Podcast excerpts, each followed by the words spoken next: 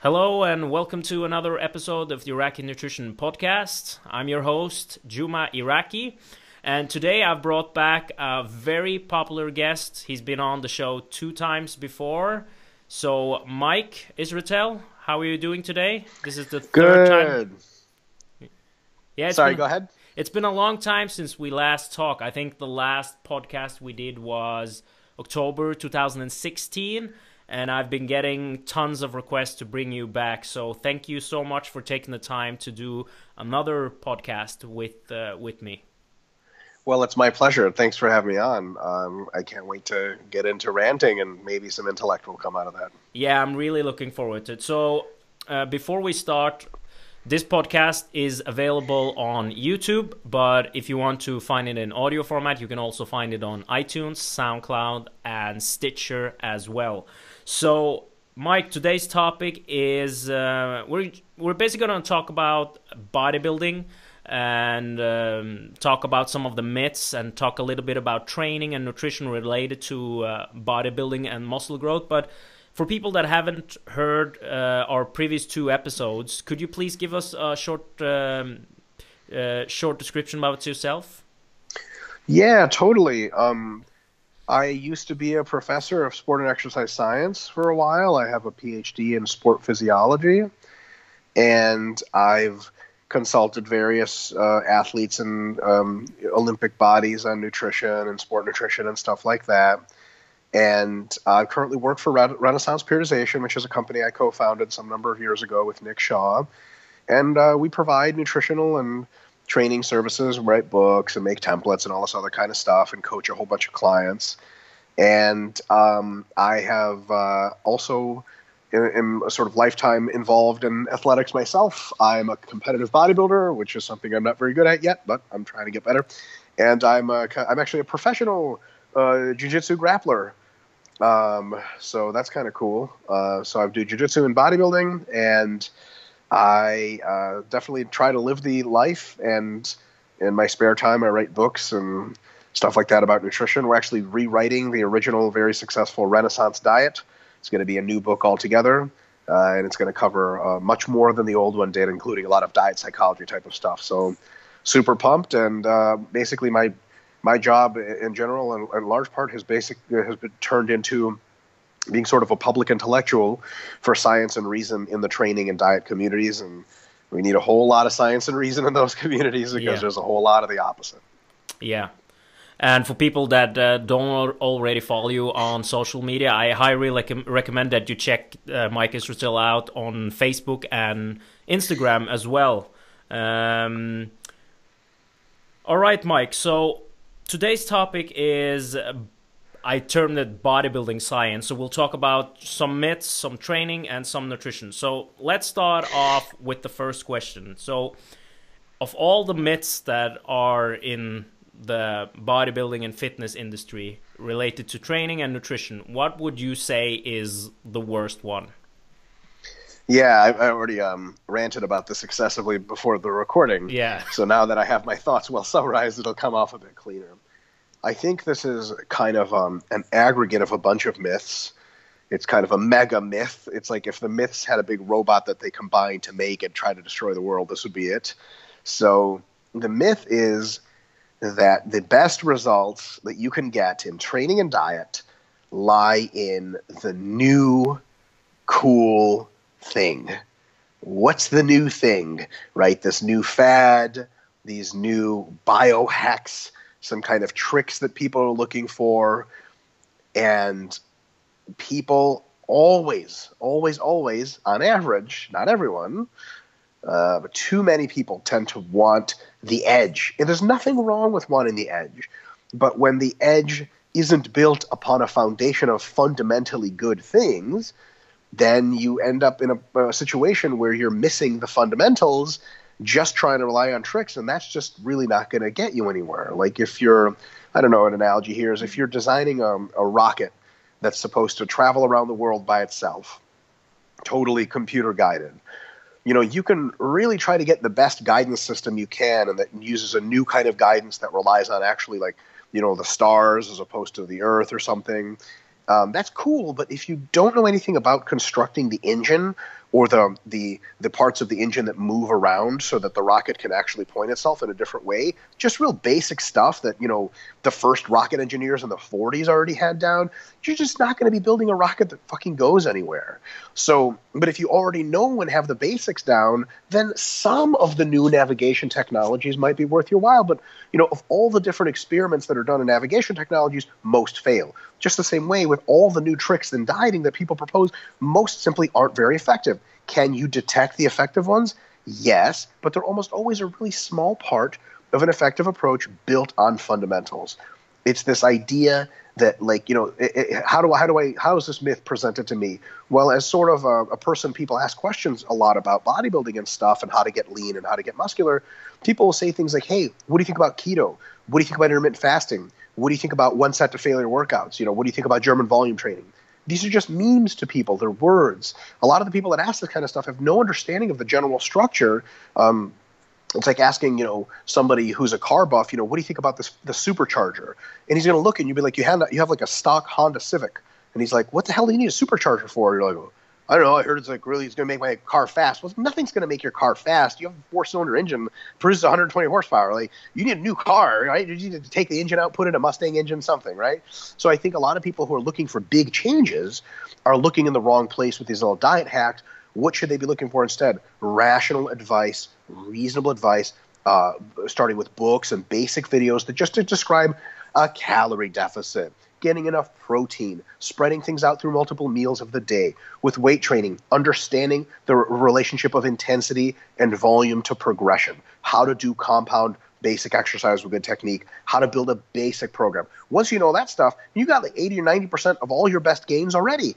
And then if you ask, well, what about this cool new trick? You already understand that the cool new trick just enhances something just a tiny little bit, right? Like if uh, in the UFC world, if Conor McGregor wanted to add a new like punch or new kick to his arsenal, that would make sense because he's already really, really good at fighting. He understands the basics of fighting. But if you just take some kid off the street that comes into an MMA gym and be like, hey, can you guys teach me that new kick Conor McGregor's doing? Like, yeah, if you want to get killed, we can teach it to you because you don't know anything else. You can't fit it into a framework and you're going to be disappointed year after year, decade after decade because you have new people coming in, you know, older folks usually don't fall for this kind of stuff. People that have been in the industry for a while, but you always have new folks, um, it, not just younger folks, people who maybe ignored their nutrition and, and health and their their body for uh, up until they were 40 years old. They come in. What what looks most seductive are the tricks. That's what they go for.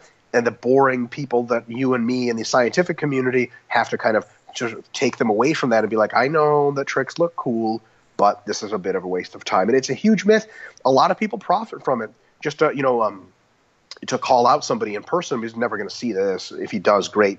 You know, Dr. Oz. Do you know who that is, Juma? Yeah. yeah. I mean, Dr. Oz's show is essentially a compilation of myth after myth after cool trick after cool trick. What do you think about raspberry ketones? Like, this is one of the first people to mention raspberry ketones because it was like the thing people were talking about, right? If you if you listen to Eric Helms' podcast, how many times are they going to mention cool new tricks? Like never. You just you're going to be you're going to be listening to the thing and you're going to be like, well, there's nothing nothing nothing cool here at all. It's just science and it's boring. Well, that's how you really make results, you know. And and unfortunately, Dr. Oz has a little bit more of a reach than Eric Helms. We're trying to change that but that's the way it is, and that's why I think it's one of the really big myths. Excellent, and I, I totally agree. And I think one of the issues that a lot of people that are getting into lifting uh, is the is the fear of what I'm currently doing now might not be the most optimal. So they think a lot in black and white terms that this is either gonna give me massive results or it's not gonna give me results at all totally. It actually, this is kind of interesting to admit. I'll see what you make of it. But, uh, you know, Renaissance Periodization has become a really, really big company. Um, and we've managed to help a lot of people. Um, and, you know, we get a lot of feedback. The feedback that I'm often a little bit uncomfortable with, I think it's great, but I'm a little bit uncomfortable with is, man, nothing worked for me until I tried RP and now I have amazing results. And I'm just like, fuck, what the fuck were you doing? Like, we don't have any crazy fucking secrets. Like, did you ever try eating a hypocaloric diet to lose fat? And then the answer is to them, no. Like, they tried every fad that wasn't hypocaloric. Like, intermittent fasting, but I eat 3,000 calories per meal. Uh, you know, keto, but I eat like bacon with ranch and chicken on top and all this other shit. And you're like, oh, okay.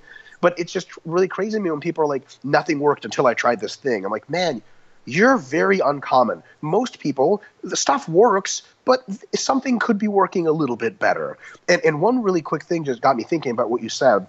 It's fine to want the optimal, but there is a really big precondition in almost every case, and this actually in, in almost every intellectual application you can think of. To derive optimality requires an intimate measurement and knowledge of the exact system you want to optimize. So, like for example, if you have a country that is maybe a new country, just liberated or whatever, and they hire a group of economists to design their um, uh, system of economics to make sure that it generates wealth over the long term. What are the economists going to do? Is you could do a really basic system like mostly market system with a couple of you know safety net stuff, really high trade freedom, all this other stuff, just proven basics that make every country more wealthy. How are they going to now, now? If the, if the person who's in charge says, "Okay, now I want you to optimize it," all of the economists pretty much are going to be like, look, we need time to figure out how your country works, how the markets respond. Then we're going to optimize it once we really have tried the basics for a long time when we see kind of the topography of what's going on. So when people are like, hey, it's my first time lifting, I want to optimize shit. Like, we don't know how you respond. Like, if we know that your maximum recoverable volume is around 20 sets per week, we can start to optimize to see if it's really maybe like more like 22 or maybe more like 18. But if you literally have no idea what your MRV is, you can't optimize. You know what I mean? Like, how do you optimize a race car? You take it around the track 50 fucking times, you measure everything, and then you start being like, okay, so what's wrong here is the torque is a little too high, the horsepower, this and that, right? But if you just don't know anything about your body and you're coming in cold, you're asking about optimization it's literally not enough information to give you that. So so what the only thing you can ask for when you just come to diet or training is a fundamentally good plan. Based on how you respond to that plan and you've got to measure things carefully and you've got to really be mindful of what's going on then we can start the long painful and for most people completely useless quest of optimization right? You know somebody what's the difference an optimized person? You know optimized means you take off your shirt you know at a, at, at a, at a pool party and you're 10% fat versus 11.5 who gives a shit? You know what i mean? That's optimization. On a bodybuilding stage it means everything right? On, in a normal setting it means almost nothing at all. So fundamentally if you have like like people um, i don't know if you've seen this um, Kinobody. You're familiar with Kinobody, yeah. Jimmer? Greg, so like uh, Greg O'Gallagher. Yeah, and he's, there's a lot of fad bullshit. And intermittent fasting is like this is uh, going to be amazing, and it looks like a like a cult of vampires or some shit like that. But like fundamentally, what is he saying? You don't, you know, you train with really compound, heavy, basic exercises that hit a lot of muscle mass. You do plenty of drop sets to economize on time. You only do this several times a week.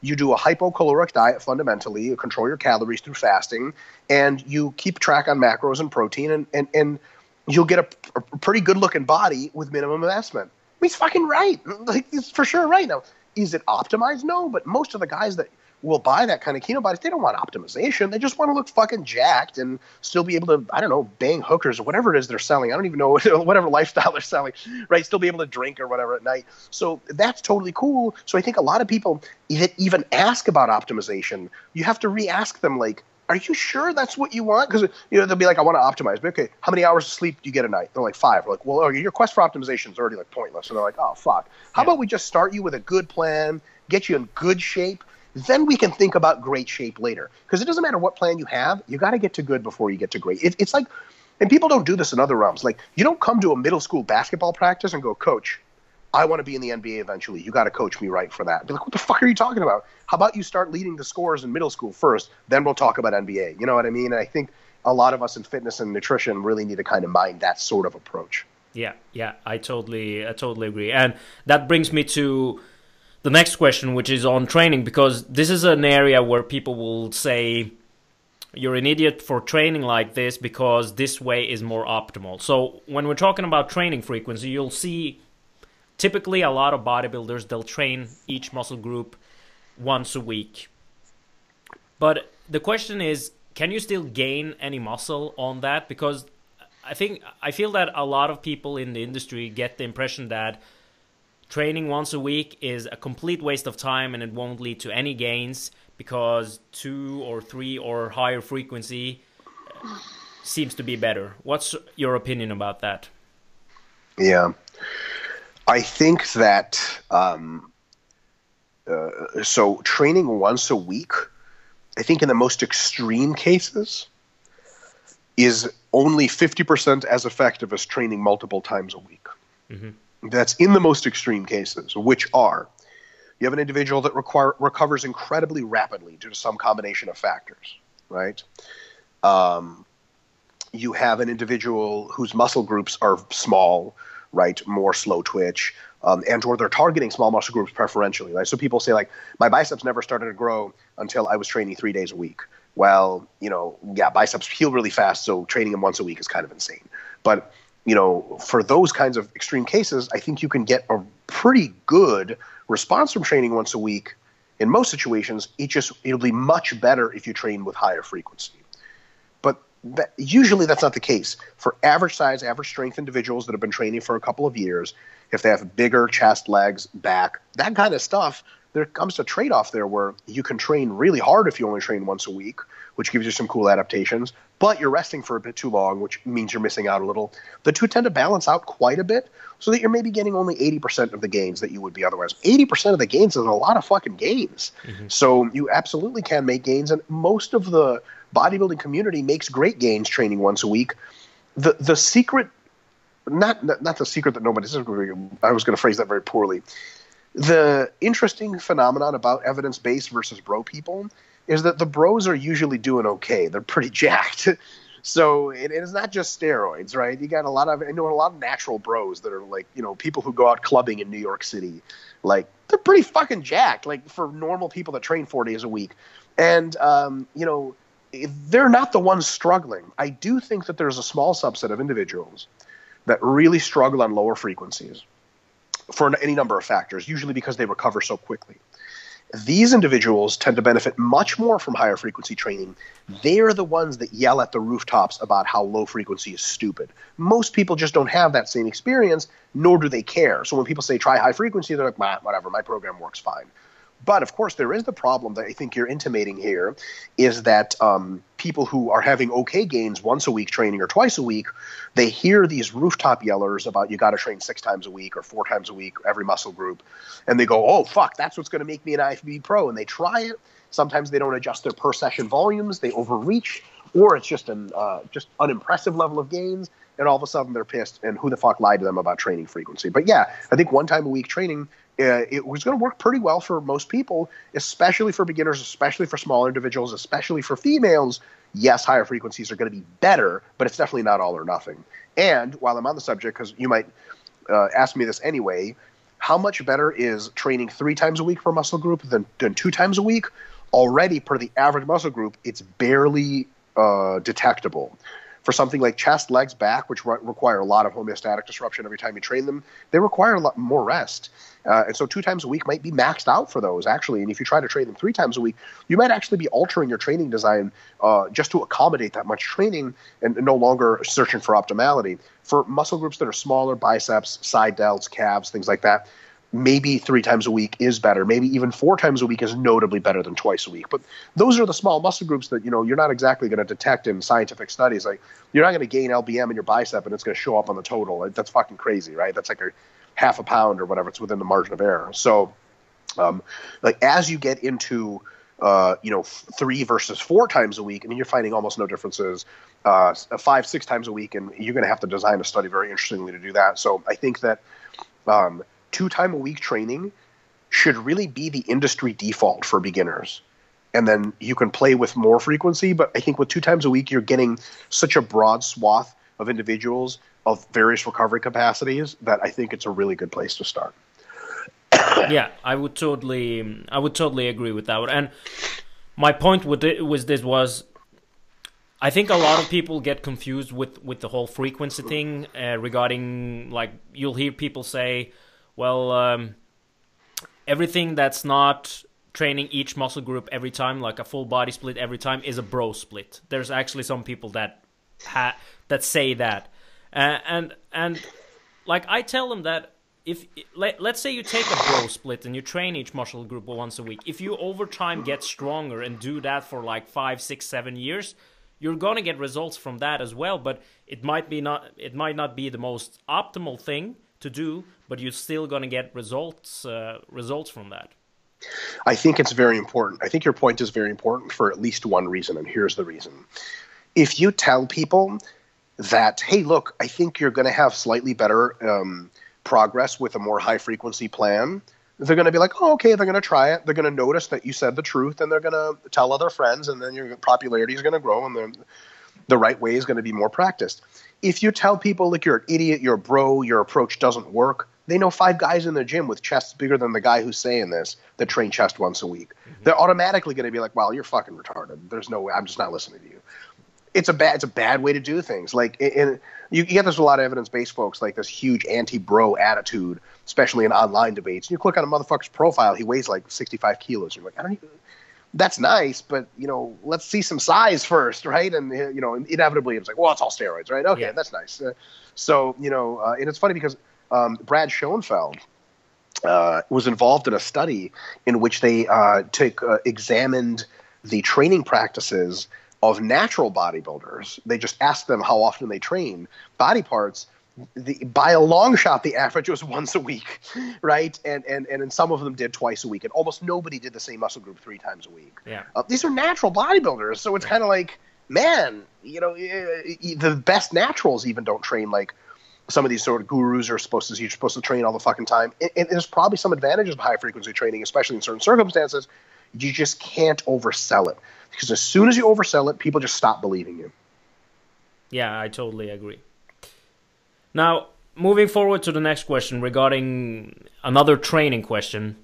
When it comes to failure training, you seem to have two camps. Like some people say you should never go to failure, and some people uh, say you should always go to failure on your at least on your last set for each uh, exercise. But how can you, in in a smart way, incorporate failure training into your program? Like, how are you supposed to use it as a tool?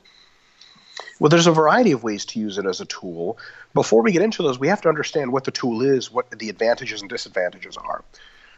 Training to failure almost certainly causes more hypertrophy per unit of training than not training to failure. So if you do one set to failure versus one set not to failure, that's all you do, and then you measure hypertrophy, almost certainly the set to failure is going to give you more hypertrophy. That's the, the plus side. So there's definitely a plus side. The minus side is it's going to give you more fatigue. Now, the thing is, training to failure does not give you linearly more fatigue. So, for example, if you get four reps away from failure versus three reps versus two reps versus one rep versus failure, it's not like you get like 1.25 times more fatigue that entire time. So, like, um, you know, if you do uh, 10 reps versus 12 reps, and the 12 reps is at failure, and the 10 reps is two from fail, you don't get a quarter more fatigue, right? Or sorry, uh, point, uh, 0.20 more fatigue, 20% more fatigue. Because you did 20% more volume, you think you get 20% more fatigue. You don't. You get maybe like 50% more fatigue or even 80% more fatigue. The closer you approach failure, fatigue after, as a consequence of that set, rises exponentially. So if gains rise linearly and fatigue rises exponentially, we have a trade off there. And that trade off usually doesn't occur on average at failure. So, so basically, another way of saying this is if all of your workouts are to failure, every set for weeks and weeks and weeks, you are willfully saying, I, I am okay with getting way more fatigue than I need to be getting for just a little bit more growth. That doesn't seem like it makes a lot of sense. On the other hand, if you train way too far away from failure, so somebody could say this advice and be like, okay, great, I'm going to stop 10 reps short of failure. Unfortunately, repetitions in reserve get too high. It has been shown that you don't get the same level of hypertrophic stimulus. And if reps in reserve are too high, for especially intermediates and above, you get almost no hypertrophy. Like if you put your 20 RM on the bar and you did sets of five, and you did enough sets of five to do the equivalent of three three times 20 RM, and another group did three times 20 RM, same volume, you would see markedly less growth, much less growth in advanced trainees uh, with the sets of five because you never really disrupt homeostasis, right? I mean, you're doing tons of sets of five, and every time the experimenters come up to you, they're like, "How did that feel?" You're like, "It felt fucking easy as hell. I, I'm like warming up for a long time, right?" Just the same way that like walking 15 miles simply does not get you the same uh, um, kind of uh, stimulus as running 10 miles, right? You run 10 miles, it's actually less volume, but if you multiply it by the intensity, it might be the same number of calories burned, right? Same number of calories burned, but you get these crazy awesome aerobic adaptations from running 10 miles. If you walk 15 miles, I mean, like, there's old ladies that walk their fucking dog 15 miles a day. You know what I mean? Like, you're not you're not building a championship endurance. So, both ends of the spectrum consistently getting too close to failure, probably too much fatigue for our time. The other end of the spectrum, we're just not training hard enough to make the best gains. Now, fatigue's not going to be an issue at all, but neither is adaptation. We don't go to the gym to just do sets of five for no fucking reason, so we're going to have to pick a range. Here's the range anything between roughly four repetitions in reserve and actual failure training is a very productive hypertrophy range. Can we always stay? Okay, so some people say, well, let's just stay about two reps short of failure, and that's a good trade off. I would say that at any one time, that's a good way to approach things, right? So if you're like you're not running a periodized plan, you run and you have to get a good workout. You still got workouts later that week. You got workouts later that month, so you can't just blow your load. I say keeping everything two reps shy of failure is a real good baseline. But here's the real way to think about it. If you're constructing a mesocycle, you know that you're going to have an accumulation phase. It's going to be followed by some way of deloading. Here's what you do: you you have to apply overload things have to get harder every microcycle or else you're not you're violating the overload principle and you're just not going to be making your fastest gains. So how do you take that with failure? Well if you just do two reps shy of failure every time you're going to have to like reduce your volumes after a certain while or not be able to add reps and uh, weight to the bar because you're simply not going to be able to keep going too shy of failure. So uh, how do you go about this? You might start your first week keep four reps in the tank your second week three reps your third week two reps your fourth week one rep in the tank slash failure deload, repeat, or something to that extent. So as your mesocycle continues, you get a closer proximity to failure, and that's it. Um, you are still, let's check the boxes. Are you always in the relative intensity range that is generally productive? Yep, four reps of failure or above. Are you producing overload every time? Yep. What is the average uh, reps to failure d- during that entire time? Well, about two, which is our, our thumbs up value. And do you still get to use the superpowers of training to failure at least once at the end when you have the time to drop the fatigue after, right? Because if we have a deload after, we can do all kinds of crazy shit in the last week and not really care. So we have a whole week to drop off the fatigue. Check. Every single box is checked. That's a pretty good way to go about it. Now, can you weave in more failure training than that if you want? Some people say, well, what about like accessory movements like cable bicep curls? Can't I just go to failure on those all the time?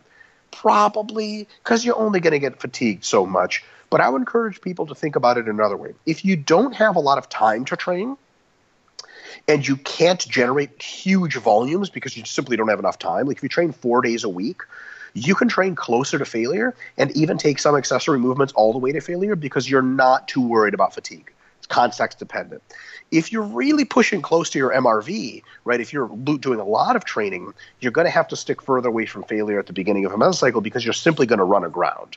So when people say, well, can't I just do my bicep curls to failure because who cares? Well, if you are a really high level, trying to do really high level physique training, you have a total of 20 sets of bicep curls to do per week. You can't afford to go to failure because whatever you do Monday is going to fuck your Wednesday up, and then you're not going to be able to produce an overload because you'll be too fatigued. But if you do a total of eight sets of bicep curls a week, your body can potentially recover from as many as 20. Fuck yeah. The whole mesocycle, you can take all of them to failure and be just fine. So, a big question about going to failure or not is the context of how much fatigue can you tolerate. If it's a huge amount of fatigue within the context of your program, you can train to failure or closer to failure much more than the average person. If you're really pushing it, you got to make sure to say failure only for strategic times when you don't have to perform in the weeks after. Excellent. That was a great uh, great explanation on how to use it as a tool. Now, another thing that um, it's very typical for a lot of bodybuilders to do, especially if you watch a lot of uh, these uh, pro bodybuilders videos, is a lot of them seem to do partial reps. Uh, especially if you watch all videos from Ronnie Coleman when he's doing the bench press and uh, stuff like that is that more optimal for muscle growth compared to going through a full range of motion when you're lifting? Yeah, so we can take this from a couple of perspectives. First of all, there's kind of a narrative that people have been pushing that says all pro bodybuilders do partial reps. That's bullshit. Um, if you look at the guys from Oxygen Gym, by the way, the currently the best bodybuilders in the world, they're doing really full range of motion all the time, and it's refreshing to see, right? Um, so, and there's a lot of really good bodybuilders that train fundamentally with a pretty full range of motion. I follow a ton of these people on Instagram the meme of the real partial range of motion bodybuilder is a little bit exaggerated because we like to focus on it, right? So bodybuilders uh, at the pro level are actually split pretty evenly between people who do pretty dedicated to full ranges of motion and individuals who charitably could be doing a fuller range of motion. The next thing we need to ask is why are they doing partial ranges of motion? There's this idea, and it's an okay idea, but it has its limitations that anything a pro bodybuilder does or a good athlete does is for the purpose of optimality because on a sort of a blank slate approach, they think it's the best way to do things, all situations being equal. That's not really the case. For example, if you take a high volume of anti estrogenic compounds, when do most of these bodybuilders release their training footage? When they're dieting for a contest. Their estrogen at this point is damn near close to zero in the several weeks leading out because they have to dry out you have very low estrogen, your joints are fucking killing you, especially at extreme ranges of motion, especially at lockout. You don't lock out your elbows when you're on letrozole for four weeks and you can't, you know what I'm saying? You can't even climb the stairs and lock out your knees anymore. So you're going to be training in an altered fashion. If somebody comes up to you and be like, why are you locking out? If they're your friend and you talk about drugs with them, you're going to be like, I'm on fucking Letro. What do you think? But if YouTube people ask, they're going to be like, I feel the muscle more or something. I don't know. Or they'll say, like, it's for safety, right? But they don't even think it's for safety. It's for safety when your joints are dry as shit, totally. But it's not all the time. Um, another factor a lot of bodybuilders who are pro bodybuilders, the only reason they're pros is because they've trained hard for 10, 15, 20 years. Some of them trained hard in a really wrong ways and are beat up to shit. If we ever have like a an AMA with a pro bodybuilder, be like, can you list the number of injuries you've had over the years? They'd be like, look, I don't have that much time. I've broken every fucking thing you can everything snapped off the bone. A lot of bodybuilders train with a partial range of motion in a lot of movements because they're simply too fucked up to do a full range of motion right? Like a lot of individuals have asked me, like, Mike, you know, I've seen you post a lot of squatting stuff. Why don't you ever post deadlift stuff? I don't deadlift anymore because I'm too fucking broken to deadlift. Does that mean I don't think deadlifts are a good idea? No way. I built 90% of my back size with deadlifts. But you can't just go assuming I don't like deadlifts. Like I've literally seen people on forums be like, Dr. Mike doesn't seem to deadlift, so I don't think it's worth it. I'm like, oh my God, fuck, don't say that. right? So all that stuff aside, we're really dealing with a very small minority of people that actually think very truncated range of motion is the best possible way to train, right? What do I think about that? I think it's mostly wrong. When we inherit training practices from even the best people in the world, we have to look at it through a historical lens. If you looked at what bodybuilders were doing in the 60s, the best in the world, how much were they making as far as mistakes? Oh my God, a ton. Like we look at their training now, it's fucking laughable. Like some of the shit they were doing is completely ridiculous. In all sports, right? In the 60s, training was terrible. In the uh, NFL in the United States and national football, the average offensive lineman used to weigh in the 1960s about 225 pounds, about 100 kilos. Um, the current offensive lineman weighs about 150 kilos. So why? Because they didn't lift weights because they thought it was going to make you slow. So imagine arguing with someone in the '60s about lifting weights for American football and be like, "It's really good, I promise." They'd be like, "That's ridiculous. The best guys don't do it." Is that an argument? Yes. It is a very powerful argument. Yes. Is it an untouchable argument? No. So I think a lot of the reason that the people who do partial range of motions defend them is because they're men they're males and on a lot more testosterone than normal males. They're egotistical motherfuckers that like to fucking bang weights and stack plates and fucking lift heavy shit. And they figured out that they lift more shit if it's partial range of motion right? This is what they fucking do. So are these hyper intelligent training scientists from another dimension that are totally ego free? No. Some of the ones that are more ego free do full ranges of motion, are doing more controlled reps, and there are a lot of the older ones that are already too fucked up even to do partial ranges of motion, right? So so, you know, after we get through all that stuff, you know, a question is there a physiological rationale to believing that partial ranges of motion are good? Uh, what is the physiological rationale? The most common one that people say is you can use more uh, weight, right? Uh, Juma, correct me if I'm wrong. Is that the most common thing you've heard, like as a as an argument for partial range of motion. Yeah, and that you can keep more tension on the muscle uh-huh. in the area. Sounds great. We'll take care of both. The uh, most weight. Uh, why, so first of all, the first question is why not just alter the repetition range and put more weight on the bar? So if you want to use to put more force through the quads, why don't you just do sets of six instead of sets of twelve with a partial range of motion, using the same weight, but now through a full range of motion. Secondly, muscular forces and joint forces are determined a lot by limb ratios and leverage, uh, as well as the external load.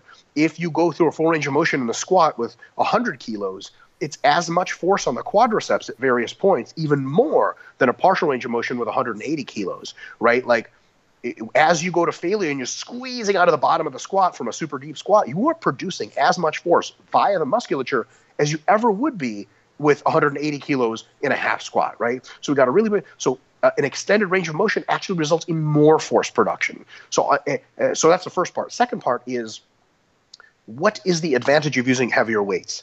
Past about the 8 RM zone, anything heavier simply doesn't help hypertrophy, and it just doesn't. It's been tested to the ground. Volume is king after you do enough intensity. Even sets of 20 reps if you push close to failure and if you do enough volume are equivalent to hypertrophy of sets of you know eight reps if anyone tells you you got to train heavier than 8rm full range of motion lift they're just wrong, right? So someone's like, "Well, I want to use more weight." Why? Just trying to fuck up your joints more? Like, why don't you use more weight than you can even lift? Why don't you do eccentric overloads where you put 1500 kilos on the squat and just have it squash you down, and then somebody picks you up, and it just why don't you get into car accidents all the time, run into the street, get hit by a car, oh, all the hell whole of a lot of force that just doesn't. It, it, there's a point at which more weight simply doesn't help. So that's the that's the force arguments. Constant tension. You want to fuck people up uh, psychologically, you want to you want to tune them up a little bit. Anytime someone mentions constant tension, you just only have to ask one thing: what is the advantage of constant tension? Because most people know that again as a meme. Constant tension, bro. Constant tension. Constant tension. You keep constant tension. Don't fucking look out, brother. You're not keeping constant tension in the muscle, bro. You'd be like, why should I keep constant tension? All of a sudden, 99% of the people that say that are like, because it's fucking what you're supposed to do, bro. You're like, but why? They're like, I don't fucking know. Like, I don't know. Then they say, because you want the muscle to feel it. You're like, right. So if I do uh, 10 reps in the squat, never locking out and, and uh, always keeping constant tension, if you let me lock out, I can rest at the top for a bit and get 15 reps in the squat. The total amount of tension generated is the same or even higher with the 15 reps. So what am I losing? And they'll be like, well, you're letting the muscle rest. Well, guess what, motherfucker? You rest between sets. How's that different? Can you imagine someone's like, we're going to do four sets of 10 in the squat? Be like, that's bullshit. Let's just do 40 reps. Be like, what? Why would you do that? Be like, constant tension, bro. Why rest between sets? They'd be like, that doesn't make any sense. I'd be like, neither does fucking constant tension, right? Muscles grow primarily from the total amount of physical work that they do. So, first of all, full range of motion helps that right? Because it's physically more work, more distance displaced. And second of all, splitting it up any old way you want is probably totally fine. If you lock out your reps and rest between it, like on a leg press, for example, you can just get more reps. 10 reps is 10 reps. It doesn't really matter how much concentration it is. Now, there's a small, small bit of thing. There is a metabolite question metabolites probably contribute to hypertrophy a small amount. If you do constant tension, you can sequester more metabolites in the muscle without letting them leach out into the blood, disturbing the sequestration of metabolites, and, and you get that advantage. But that really only applies to very high rep sets, and you're under the understanding that you're okay with doing less work because you want the metabolite response. After you put in your compound heavy basic work, then you might say, okay, the next exercise is just for metabolites. We're going to focus on constant tension.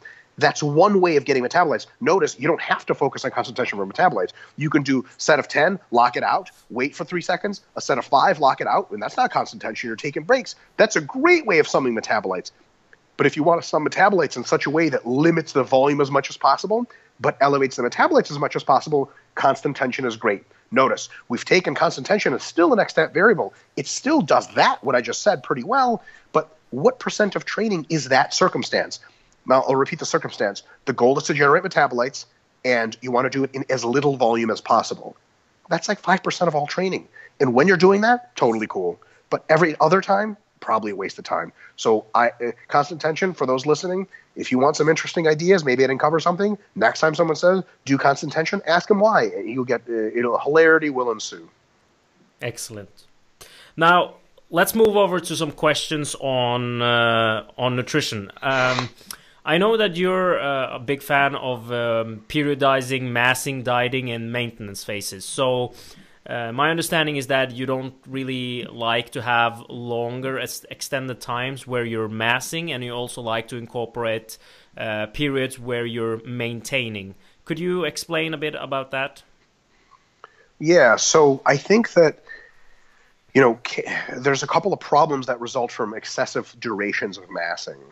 One problem is that you get really fat and then your partitioning ratios go to hell. And also, you got really fat, so you just have to burn off the fat at some point. You've like accumulated a debt of fat. Um, and, and if you lower your rate of massing, that's no longer a big problem. So that problem can be solved. So if you just go slower, then you can mass for longer. The next big limiting factor that I'm concerned about is if you chronically train with high volumes, the kind of volumes that optimize hypertrophy, at some point your body probably becomes a little bit less sensitive, maybe much more sens- le- much less sensitive to high volume training. You accumulate a lot of fatigue, a lot of resistance to volume. And when that occurs, what's going to happen is you're going to have to take a break from training for high volumes for probably several weeks, low volume training to basically let your body become sensitive to muscle mass gains again from high volume training. How do you know this? Can you still see me, by the way? Yeah. Okay, sweet. So, um, cool. I'm on a. I just got a call on my iPhone for some reason. Um, yeah. So, um, you know, you can't consistently put out super high volumes of training without taking breaks every now and again. I'm of the opinion from from real world observation that if something between three and six months six months for more beginners and three or less for advanced athletes is the most you can sustain truly high volume training for. After that, you need at least a couple of weeks, maybe like a month of much lower volume training to get your body back into the groove for high volume training. Um, almost all body processes have this sort of desensitization, resensitization. For example, in a fat loss diet, if someone told you you could do fat loss for like six months straight, what would you tell them? You'd be like, you're nuts. That's not a good idea. You need a maintenance phase in there or mass phase or something to get the body to calm down all of its anti-fat loss uh, you know mechanisms so that you can breathe again and then go into another section. So I think the same thing applies from a mass gaining perspective, just for different reasons. So I think um, if you can gain for three to six months, that's probably pretty good. And then after that, you want a maintenance phase, if for no nutritional reason, just the reason of you can't sustain high volume training for that long and benefit from it. One of the ways you know in which there's fiber type alterations, there's fatigue accumulation. Um, one of the ways you probably can tell from an intuitive perspective if you're training for high volumes for too long, if you're no longer getting pumps from the normal volumes of training you used to, and you just feel fatigued after training instead of like jacked up, that's probably a good sign that you're doing a little too much volume and you need to back away from it. After you do a lower volume phase, you come back to higher volumes, and the first workout, you get this crazy, like, skin bursting pump, and you're like, oh my God, I'm to die. I can't believe sets of 10 are fucking me up this bad.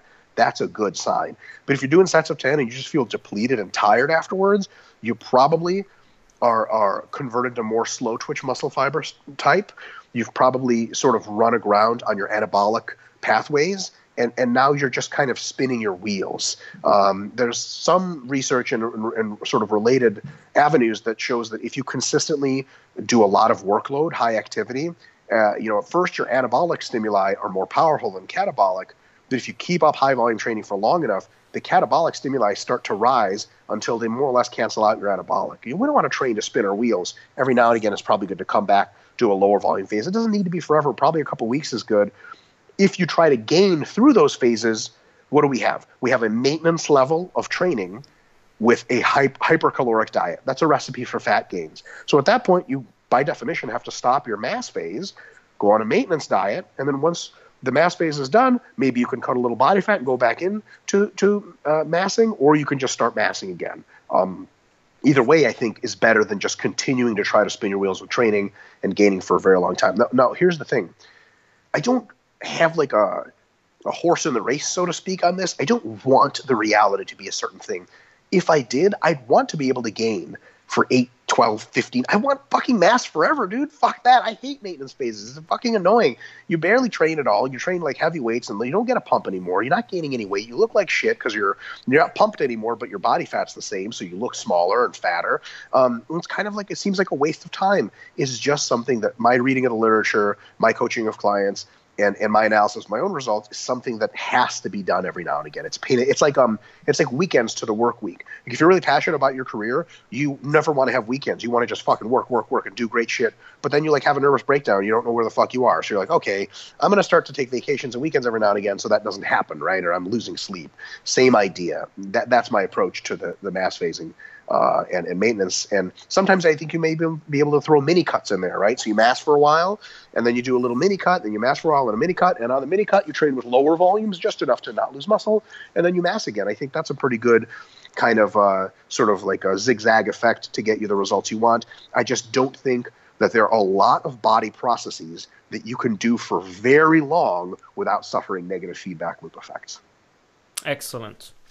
Now, another question that um, I have regarding uh, something that uh, a lot of bodybuilders will say is mixing carbs and fats in a meal.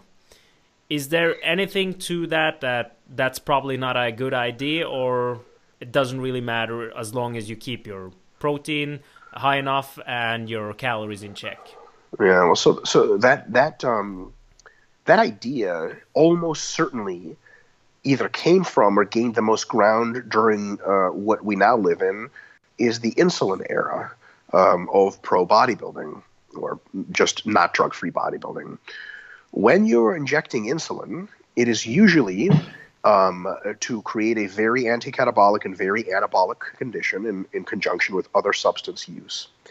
When you inject insulin, you have to have a high volume of carbohydrates in the digestive tract or in the blood already, ready to enter the blood or ready to enter the cells. Otherwise, you go hypoglycemic, your blood sugar drops, and you fucking die, or you know, just at, at the very least, you know, pass out or something like that. The thing about taking in carbohydrates is if you take them in with a low fat amount, they digest quickly. They are very readily available to be put into the cell and put into the blood. So if you concurrently inject insulin with carbohydrates, if they're very low in fat, it's a very easy thing to do that matches one to one. There's not really a big chance of hypoglycemia, etc. If you consume lots of fats with carbohydrates, fats do two things. They delay the digestion of carbohydrates, so the carbs don't even start leaking into the blood until an hour later. If you shoot insulin, and then you eat fatty carbs, you will fucking die before the carbs get into your blood, right? There's no saving you, mm-hmm. short of like giving you an injection of glucose at the hospital or something like that. Um, and the second part is they um, fats uh, slow the absorption of carbohydrates into the blood. So you shot a bunch of insulin, a certain number of units of insulin to transport a certain amount of carbohydrate per minute into the cell, and all of a sudden your rate of carbohydrate delivery into the blood is half that because the fats are slowing it down. Again, in the same bit of trouble. Um, probably another additional concern is if you're injecting insulin and there is a lot of fat in your diet at the time in which your serum insulin is high, insulin is incredibly adipogenic, right? So if you have fats coming in and insulin is high, they're just going to go right into fat, right into the fat cells. It's going to make you fat piece of shit. And it's not going to maximize that huge glycemic, carbohydrate, and glycogen based response that we're looking for for injecting insulin. Because those are all realities for insulin using bodybuilders, where you know we hear these things like you shouldn't eat carbs and fats at the same time, which are totally true for the insulin injection window for pro bodybuilders that use insulin. Absolutely. For drug free bodybuilders, it's almost completely a moot point. So here's what happens if you eat carbs and fats at the same time and you naturally produce insulin, guess what? Your body's really smart. It produces just as much insulin at just enough of a rate to equal what you're getting into the blood. So if you eat a lot of fats with carbs, the entry of carbohydrate into the blood is very slow. Your body secretes very little insulin. One to one match, no big deal. If you eat a lot of carbohydrates without much fat, you get a lot of carbs in the blood all at once and a lot of insulin secretion by the pancreas. Problem solved. Are there times when mixing carbs and fats are not a good idea? Yeah, but it's not because of it's a magical mixing problem.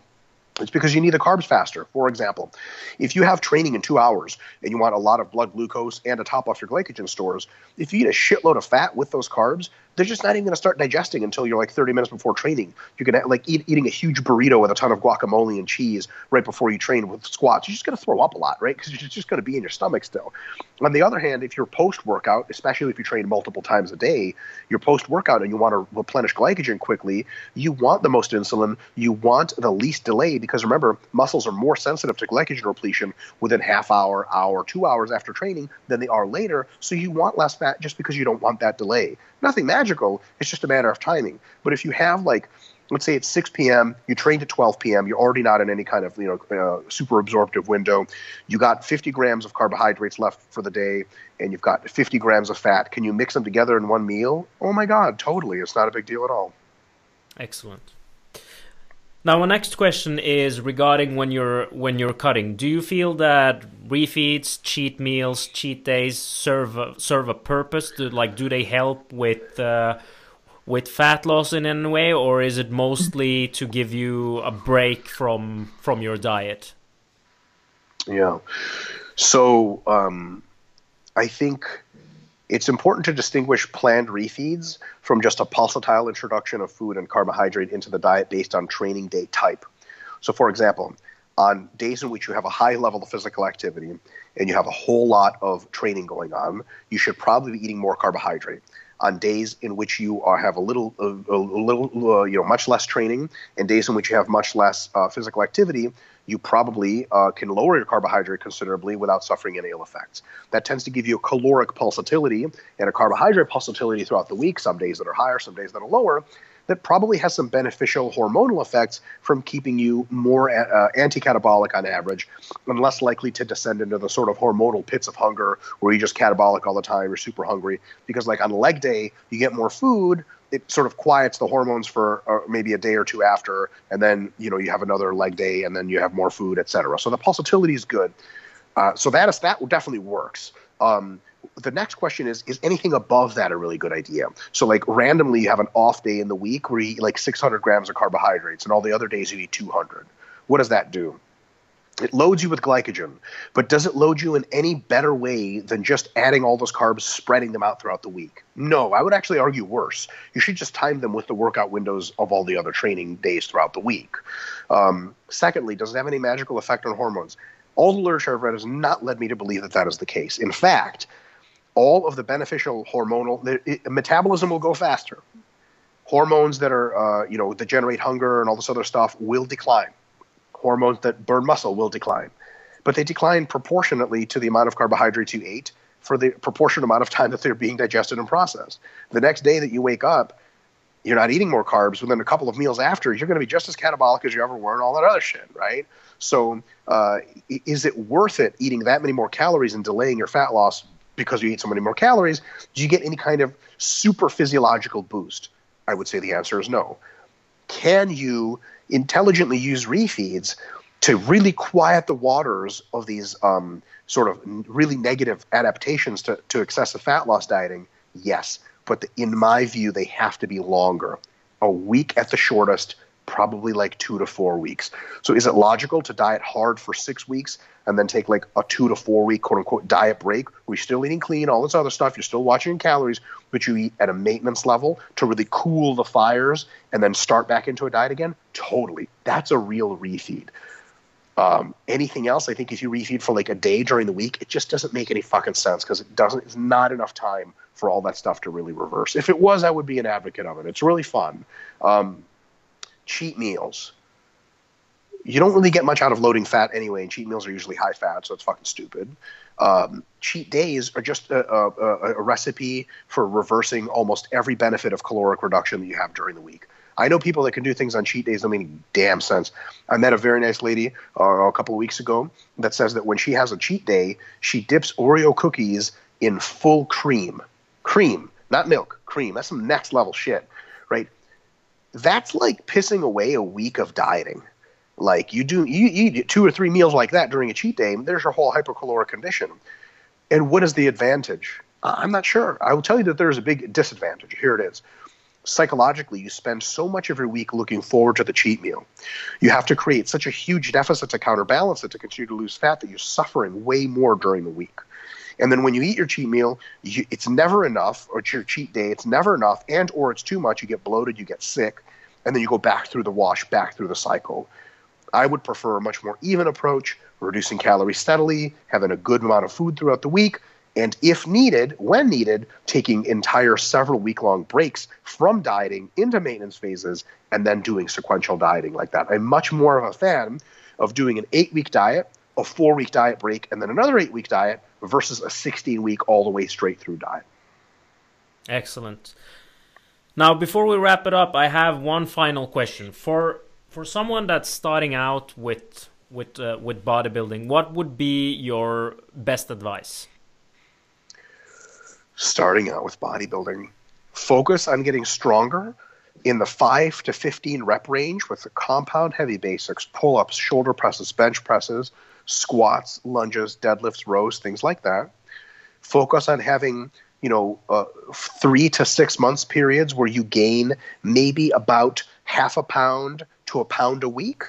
And then juxtapose those with maybe one to two month fat loss periods where you lose maybe about a pound per week of total weight and you can repeat that process that I just described while trying to get stronger on those lifts um, for several years, and it's going to build you a great foundation. You're going to learn a ton about your body, and then you'll know enough. Hopefully, you're doing your reading, reading you know good books, looking at good sources, um, and, and you'll know a lot of stuff by then to where you can make things more complicated, use some of the cool fancy tricks, and actually benefit from it. Excellent. Thank you so much, uh, Mike, for taking the time to do this podcast. It's always a pleasure to have you on, and I could, I can literally spend hours talking to you about uh, several things. But I know that uh, you have some uh, obligations that you need to get to. So, uh, before we wrap it up, where can people find more information about you? well, I, I, can talk to you for hours too. So it's a bad, bad recipe. Um, I think, just for the record, I think you're a phenomenal interviewer. Um, Thank you so uh, much. People can find me. Um, you know what I'm saying? Come to my block, find me. You want to find me? Come in person. You know, I'm just kidding. Uh, if you want to fight me, please don't. I'll run away. Um, RP at RPDRMIKE on Instagram. If you want to stuff much cooler than that, at RP Strength on Instagram. That's the company that I helped co-found. Way bigger Instagram, a lot more cool stuff, a lot of very attractive people in our photos, uh, real, actual results. Um, and then Mike Israetel on Facebook. Facebook's doing this thing now where it's all like viral videos and some stupid shit. So my posts you'll barely ever see. Yahoo, I'm usually making informative posts. I'm gonna try making more videos though. Stay in the loop.